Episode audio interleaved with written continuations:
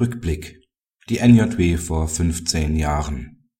Kündigung von Beraterverträgen. § 627 BGB enthält gegenüber § 626 BGB eine vereinfachte Möglichkeit zur Kündigung von Verträgen, die auf einem besonderen Vertrauensverhältnis basieren. So wie im Verhältnis zwischen Anwalt und Mandant.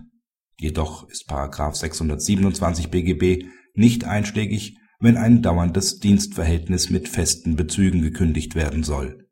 Aus diesem Grund konnte die Klägerin in der NJW von vor 15 Jahren ihren Beratervertrag nicht unter erleichterten Voraussetzungen kündigen. Die von ihr beauftragten Anwälte sollten ein pauschales Monatshonorar von 5000 D-Mark erhalten. Diese 5000 D-Mark Mindesteinkommen stellen feste Bezüge im Sinne des § 627 BGB dar, so der BGH NJW 1995, Seite 1425.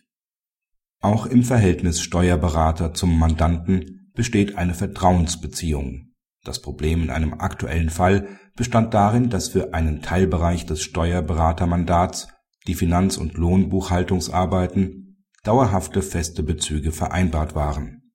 Ein umfassendes Steuermandat muss nach Auffassung des BGH aber als Einheit angesehen werden Daher könne ein solches Mandat auch dann gemäß § 627 BGB vereinfacht gekündigt werden, wenn für einen Teilbereich feste Bezüge vereinbart sind.